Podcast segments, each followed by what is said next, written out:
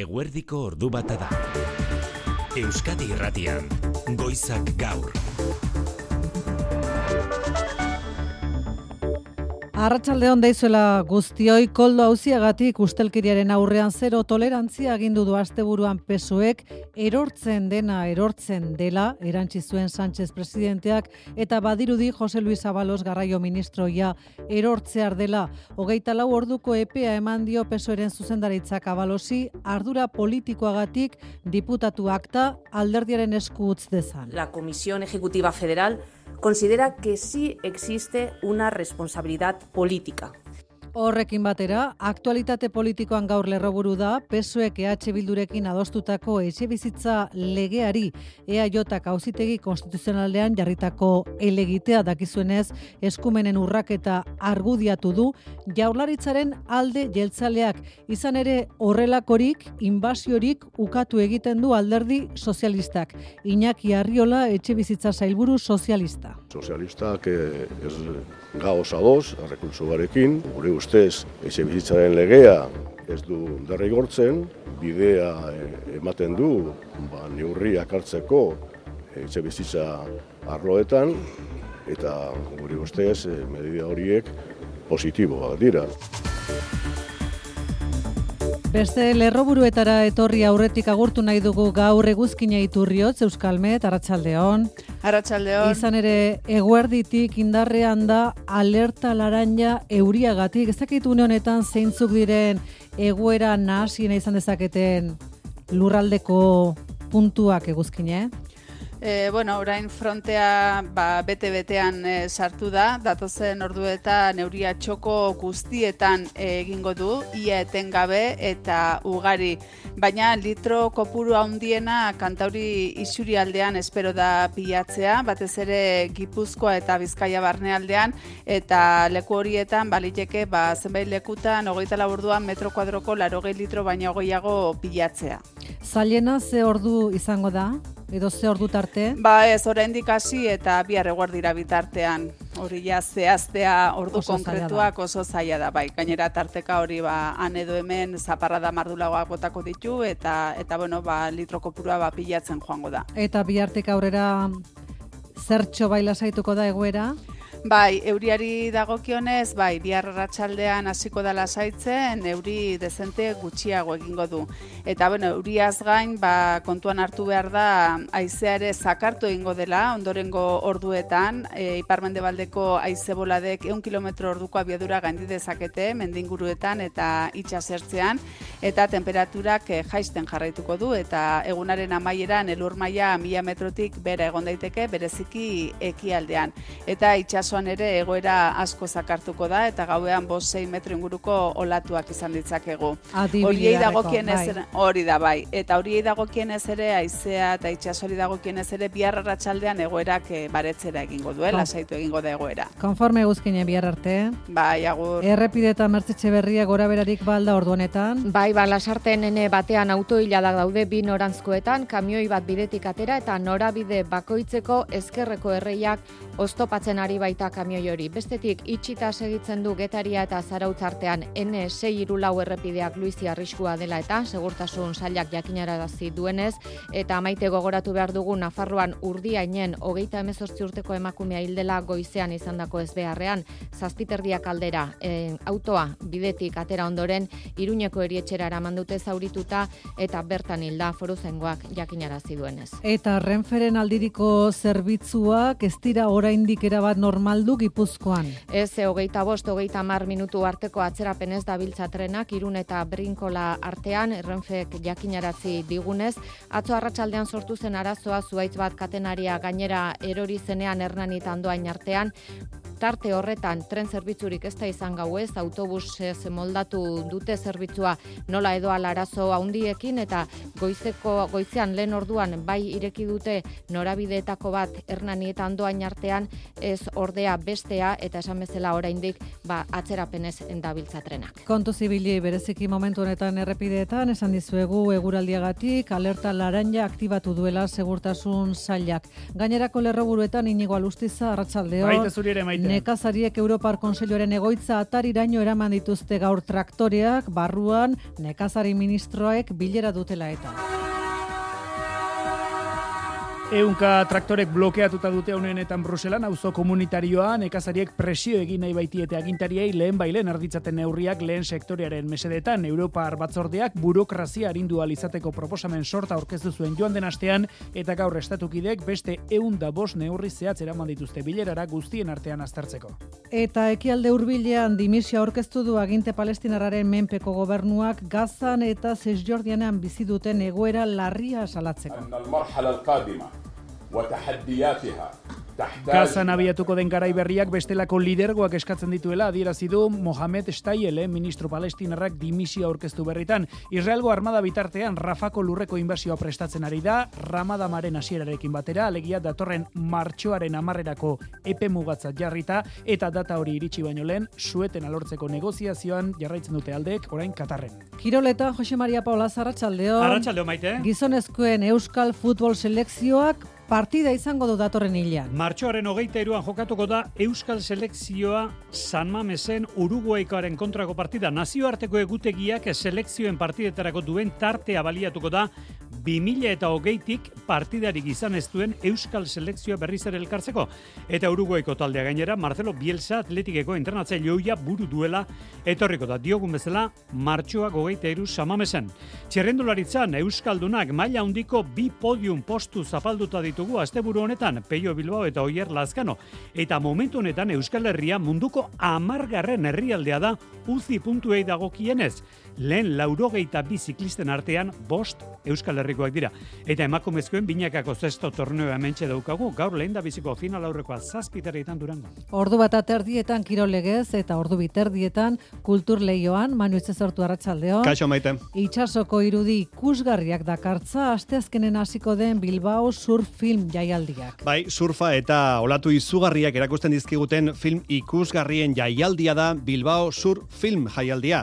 Sail ofizialean, hogei herrialde desberdinetako filmak Chile, Portugal, Australia, Estatu Batuak, Argentina eta bereziki Brasilgo filmak tartean sei euskal produkzio.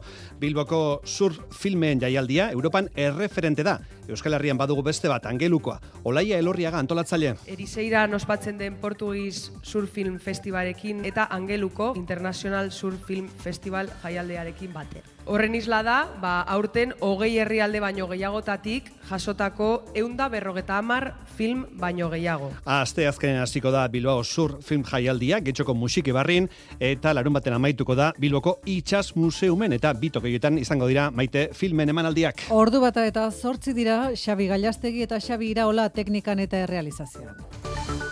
Euskadi Irratian, Goizak Gaur.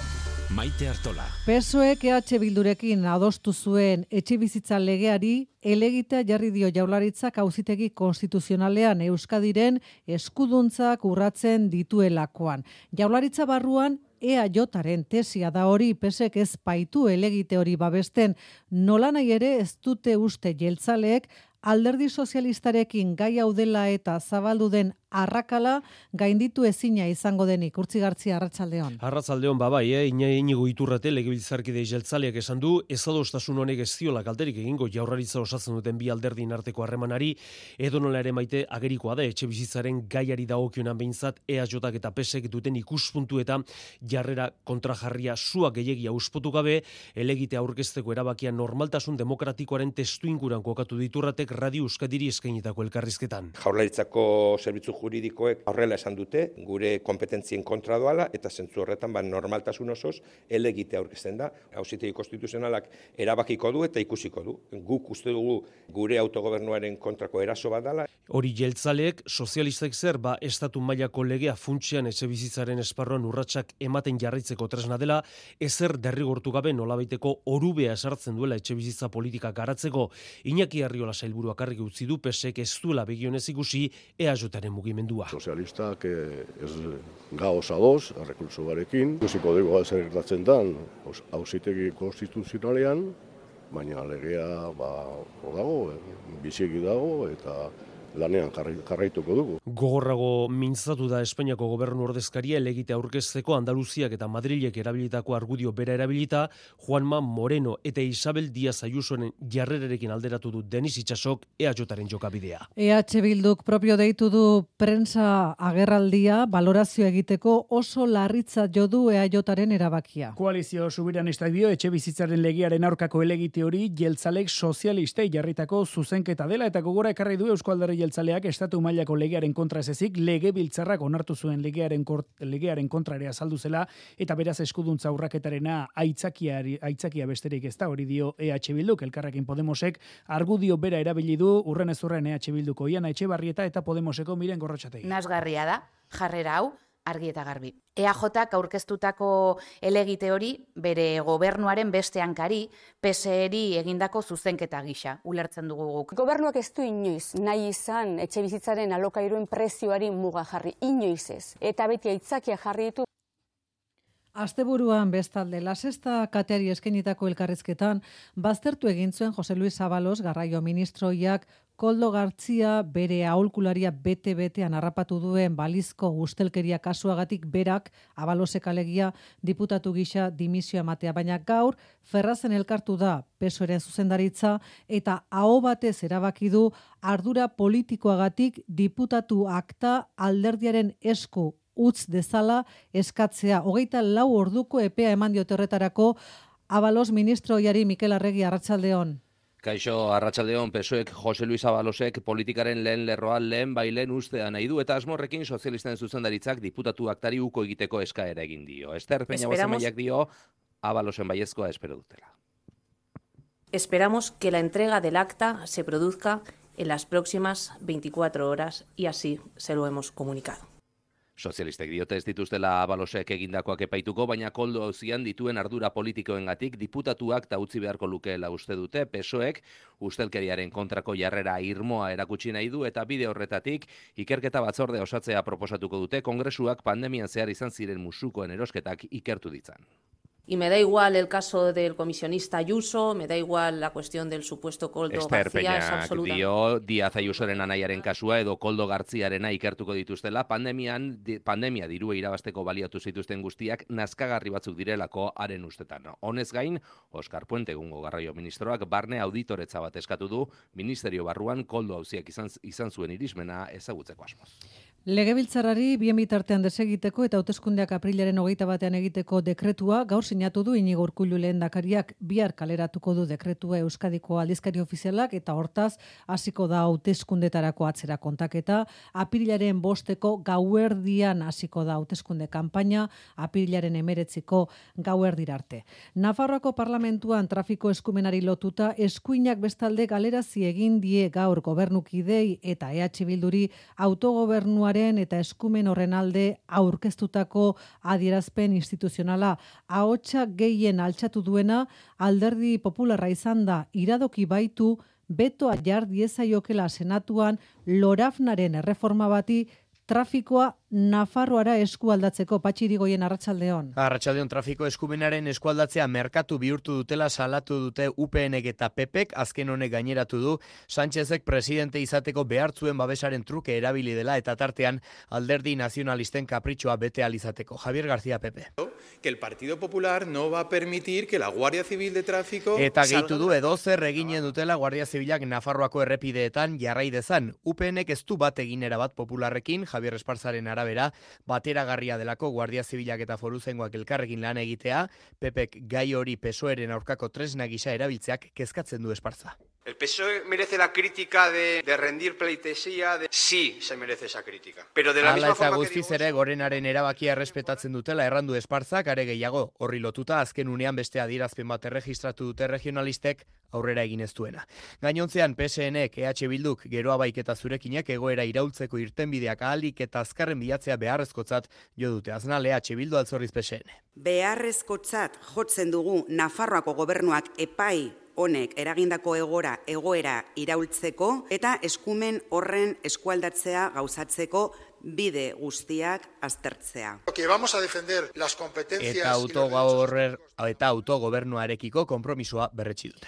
Ertzainak borrokan izeneko mugimendu sindikalaren logoa daraman rap kantu bat zabaldu da azken orduotan sareetan bere ulertuko duzu zergatik. Erne esan eta sipe sindikatuen aurka gogor egiten du kantu horrek oso modu oldarkorrean eta gaztelania utxian besteak beste sindikatuak etarekin parekatuta zera dio bi minutu eskaseko rapak zein erraza den bizitza siglen atzean hiru izkidun beste sigla batzuek ere ertzainak seinalatzen zituzten. Las de tres letras también señalaban Artzaina. Era guzti eta guirainak entzun daitezke Euspel sindikatuaren kontra ez, gainerako sindikatuen aurka izan ere gogora ezagun Euspelen babesa jaso du duela azken asteotan ertzainak borrokan delako mugimenduak. Ordu bata eta laurden. Uda ostean interestasak jeisten astea aurre ikusten dutela adirazi du gaur Euskadirratiko faktorian Xabier Egibar laboral kutsako zuzendari nagusiak hori bai garbi utzita Euriborra ez dela tasa negatiboetara itzuliko bere esanetan egoera ura ere ezpaitzen normala sisto iturriaga goitia. Egibarren aurreikuspena da urteko bigarren seilekoan iruzpalau aldiz apalduko dituela Europako Banku Zentralak interestipoak eta Euriborra puntu bat jeitsiko dela. Segurazki udara eta gero e, pixkanaka pixkanaka Euriborra bera jungo dela. Ez da asko jungo, ez, ez zindugu pentsatu e, hau, oan dela urte, bete, urte eta erdi genituen e, interestasetara jungo dinenik. Egoera esen normala, ekonomikoki ez egoen estabilidade bat, ez, eta tipuak oso baxu zeuden. Bianik uste dut, ba, oan dauden puntutoikan, ba, puntu bat e, irula orden geistea, ba, normala izan daitekela, ez da. Hmm. Gaur egungo testu inguruan euren bezeroei hipoteka mailegu mistoa gomendatzen ari zaizkiela jakinarazi du egibarrek eta bat egin du enpresak eta familia euren inbertsioak atzeratzen ari direla ohartarazten ari diren ahotsekin interes tasak noiz jaitsi eta ziurgabetasun ekonomikoa noiz amaituko den zai daudelako. Martxan da Donostian ekin ekintzaileentzat gunea hiriaren erdigunean kokatutako eraikinean ekintzailei zuzendutako aholkularitza eta lan esparrua eskaintzen ditu Donostia sustapenak. Udatik aurrera, irurogeita amar etxe bizitza ere jarriko ditu ekintzaileen eskura talen jausaren ereduari jarraituz. Azpiegitura berriaren eskutik, bertako talentua hemen errotzeko apustu egin nahi luke Donostiako udalak mertzetxe berria. San Bartolome gaineko eraikin berrian, ekintzailei zuzendutako formakuntza eta arreta zerbitzua zein coworking eremua eta ekitaldiaretoa zabalik ditu ekin guneak aieteko talent jauseren eskutik Donostiak zientzia eta ezagutza erakartzeko egindako apustuaren jarraipena da, ekin, oraingoan, ekintzailetza gehituta eneko goi alkateak azpimarratu duenez. Hau ez da bakarrik talent jaus bat, baizik eta baita ere ekintzailetza sustatu nahi duen e, azpiegitura bat. Eta ekintzailetza hori gainera bertatik hasita, hau da gure hirian dauden ekintzailetatik hasita. Hori da beraz, hemen egiten dan apustua, Bertako talentua hemen errotzeko donostiak egindako apustu estrategikoa, nabarmendu du Marisol Garmendia, ekonomia eta enplegu zinegotziak, izan ere, udatik aurrera bertan eskainiko diren irurogeita amar etxe bizitzetatik dozena erdi bat, gazte ekintzaile donostiarrentzat propio gordeko dira. Donostiarrak e, izatea, gurekin lan egitea eta ja proiektu bat gure ekosisteman e, txertatuta egotea, berezitasuna da beste gainentzeko apartamentutan urtebeteko epea ematen diegula eta hemen gure artean dauden donostiarrentzat bi urteko epea izango dute alokairuan. Hogeita bost eta berrogeita bost metro arteko etxe bizitzak, bosteun eta mila euro arteko alokairuan eskeniko ditu ekinek, euneko irurogei arteko diru laguntza jasolezakete ekintzaile donostiarrek baldintzen arabera, garmendiak azaldu duenez. Zie Automotive konpainiak irureunda hogei milioi euroko irabaziak izan ditu bestalde 2008 iruan, aurreko urtean baino euneko zazpi gehiago. Ibilgailuentzat osagarriak egiten ditu ziek eta sektorean autoelektrikoak ziurgabetasuna edatu badu ere, konpainiak datu historikoak lortu zituen iaz. Ia lau mila milioiko fakturazioa izan du 2000 eta hogeita iruan zia automotibek eta irabazi garbiak euneko 6,zazpi egindu gora, irure honda hogei milioira arte. Europan eta Amerikan egindute gora berezik isalmentek, Txinan berriz euneko hogei egindute behera. Azken ama bilabetetako bilakaera ikusita, aurri ikusitako plan estrategikoari eutxi egingo dio konpainiak, eta datozen bi urteetarako mila eta bosteun milioiko inbertsioa iragarri du, amasei herrialdetan ditu zia automotibek lantokiak munduan. Jode dezagun orain Bruselara, eunka traktorek itxita dute ordu honetan Bruselan auzo komunitarioa hogeita zazpi estatukidei lehen sektorearentzat laguntza gehiago eskatzeko eta nekazaritza politika bateratuaren neurriak arindu ditzatela esigituz. Traktoreak kalean, hogeita zazpi nekazaritza ministroak elkartuta dauden bitartean mai gainean izango dituzte ministroek lehen sektorearentzat laguntzak, naiz eta berez gaurko kontselutik ezten erabaki zehatzik espero Amaia Portugal Brusela Arratsaldeon. Arratsaldeon hori da, baina garbi utzi nahi dieten ekazariei ministroek ari direla lanean. Belgikaren presidentziaren izenean David Clarinbal, presidente ordeak esan du, estatukidek eunda bost proposamen helarazi dizkiotela. On va également entendre ce que les 27 pays proposent. Donc, il y a 500 propositions qui ont été formulées. Donc, c'est des mesures à court terme. Baina, proposamen gehientsuenak epelaburrerako neurri aringarriak dira. Batez ere nekazariei laguntzak jasotzeko burokrazia errazte aldera. Badira, neurri zertxobait komplexuagoak. Ustiategi txikiei egiten zaizkien ikuskaritzak erdira murriztea adibidez. Naiz eta esaterako Espainiako gobernuak uste duen legegintzaldia bukatu baino lehen gauzatu liteke lauri. Nekazarien konfiantza berreskuratu beharra dagoela dio Luis Planas ministroak. Hay una confianza que se ha roto.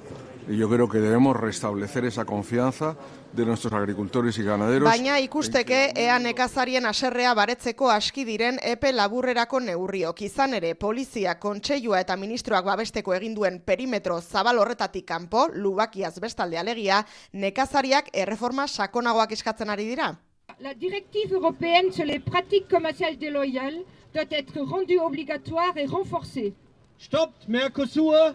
Entzun duzue, merkataritza jarduera desleialen aurkako zuzentaraua zorroztea eta merkosurituna behin betiko aztea, alakoak dira aldarrikapenak eta horiek erreforma sakonagoak eskatzen dituzte. Ke beltza eta usaina nabarmena dira Europara auzoan orduotan, baina polizia ur txorrotadekin itzaltzen ari da sute txikiak, euriak lagunduta oraingo zeztuten ekazariek kontseiura sartzea lortu, baina bilera bukatzen dutenean arratsaldean laborari gazteekin bilera egiteko konpromiso hartu dute agintari Europarrek. Hori Bruselan, Madril erdiguneko argazkia igualtsua da, traktoreak eta milaka nekazari ganada duzale eta arrantza sektoreko ordezkariak protestan. Asaja, Koage eta UPA sindikatuek egindako deiari jarraituz, milaka nekazari eta eunen bat traktore, Espainiako nekazaritza ministerioaren aurrean elkartu dira, aurrena eta kastellanatik barrena Europar batasuneko ordezkaritzara ari dira manifestazio egiten, handira besteak beste, Nafarroatik joan da, UAGN eta N sindikatuak eta baita arabatik UAGA ere. Bruselan nekazaritza ministroek egiten ari diren edo ministroak egiten ari diren goibilerarekin bat eginez sektorearentzat neurriak eskitzen dituzte Madrilen. Ba, hain justu nekazarien eskariekin bat egin du gaur BM eta Superamara supermerkatuen jabea den ubesko taldeak nekazariek eta beltzainek arrazoia dutela adirazi du Jose Ramon Fernández de Barrena, taldeko presidenteak iazko balantzea egiteko agerraldian laguntza gehiago eskatu ditu arkere lehen sektorearen zatzisto. Nekazal ustiapenak desagertu eskero, arazo handi bat izango dugula ohartarazi du Fernandez de Barrenak eta salatu baldintza okerragoetan lehiatu behar izaten dutela gure nekazariek eta beltzainek kanpokoekin. consideramos que en primer lugar, digamos que los agricultores y ganaderos tienen mucha razón. Está Uste hablando, dugu nekazari eta abeltzainek política agraria arrazoi dutela. Nekazaritza politikan de bateratuaz ari gara, burokraziaz. de Gure nekazari eta abeltzainentzat leyes de- traba leyes de gehiago dakarten ingurumen legez edota animalien ongizatirako legez eta esan beharra dago, askotan baldintza ezberdinetan lehiatu behar dutela kanpotik datotzen produktuekin. diferentes eh, condiciones con productos que vienen de fuera.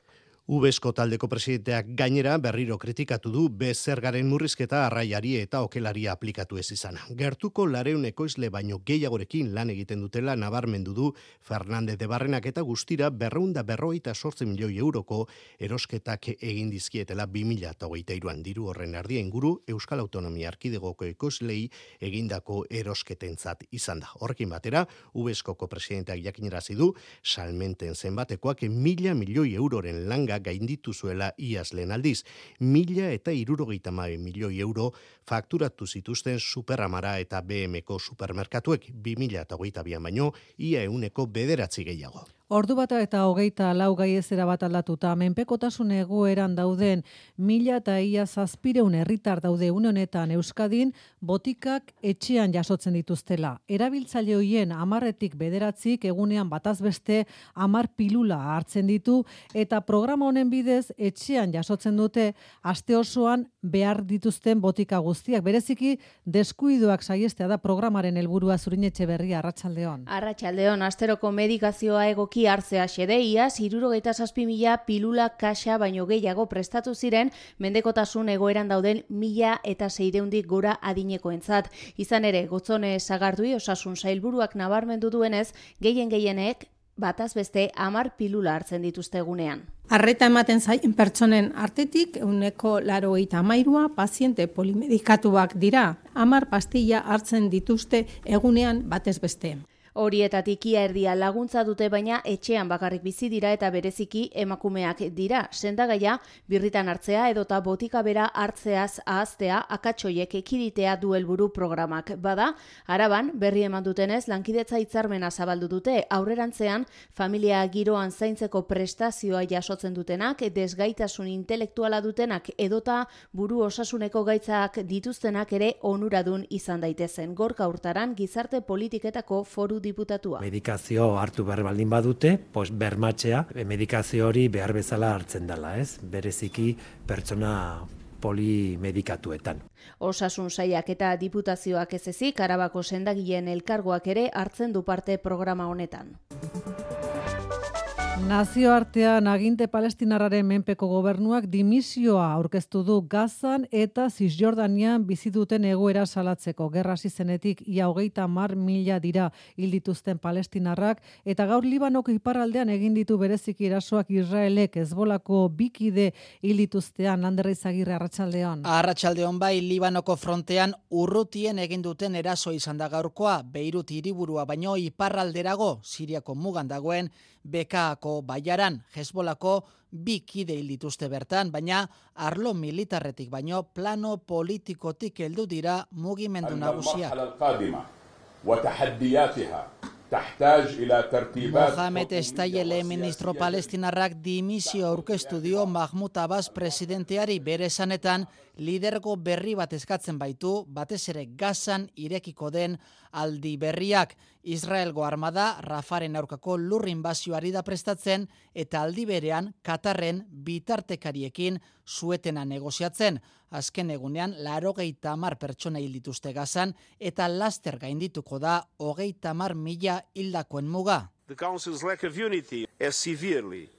Datu horien aurrean nazio batuen segurtasun kontseiluak utx egin duela adirazi du Antonio Guterres nazio batuetako idazkari nagusiak erreforma sakonak eskatu ditu segurtasun kontseiluaren araudian. Aurrez, Suediak bezala Nord Stream bat eta bi gasodi Errusiaren aurka egindako ustezko sabotajearen inguruko ikerketa amaitutzat jodu gaur Danimarkak ere. 2000 eta hogeita biko irailean izandako gas iesak, bi Suediako uretan eta beste bi Danimarkakoan sabotajearen ondorio izan zirela agerian utzi dute orain arteko ikerketek, baina ikertzen jarraitzeko oinarririk ez dute ikusten bi herrialdek. Moskuk herrialde anglosajoiak egin ditu sabotajearen errudun, mendebaldeak kontrako norabidea seinalatu duen arren.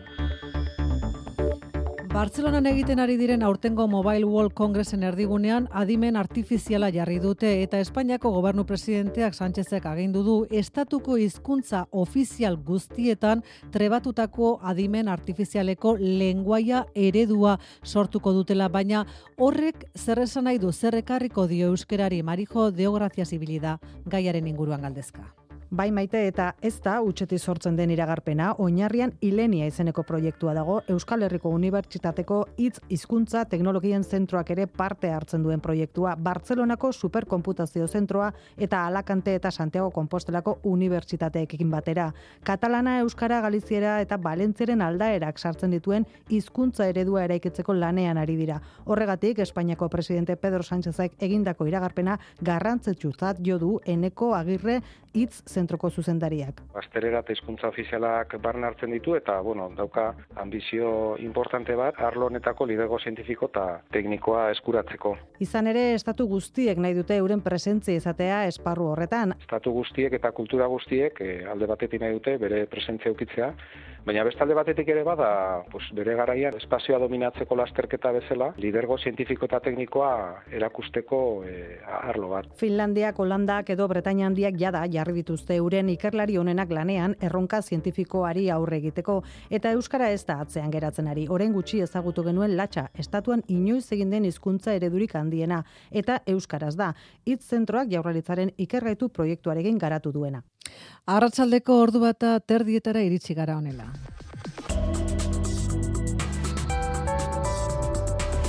Euskadi Irratian eguraldia eta trafikoa. Begira dezagun errepide sare nagusira ordunetan zein da egoera Luiseron? Arreta eskatzen dute segurtasun saietik bat nazional errepidean lasarten bi noranzkoetan herribana trafikorako moztuta baitago kamioi bat bidetik atera ondoren.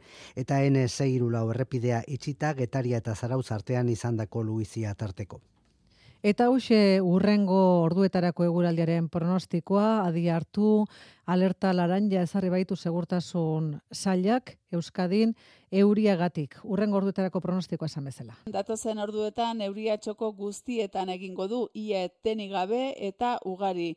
Bihar eguerdira arte, hau da, hogeita labordu eskasetan, baliteke kantori zurialdeko zenbailekuta metro kuadroko laroge litro baino gehiago pilatzea.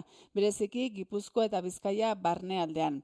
Bestalde, iparmendebaldeko aizea zakarribiliko da, izeboladek eun kilometro duko abiedura gaindi dezakete mendinguruetan eta itxasertzean. Eta arratsaldean temperatura jaitsi egingo da eta egunaren amaieran elur maila mila metrotik bera egongo da. Itxasoan ere egoera zakartu egingo da. Gauean bo 6 metro inguruko olatuak izan ditzakegu berriro ere.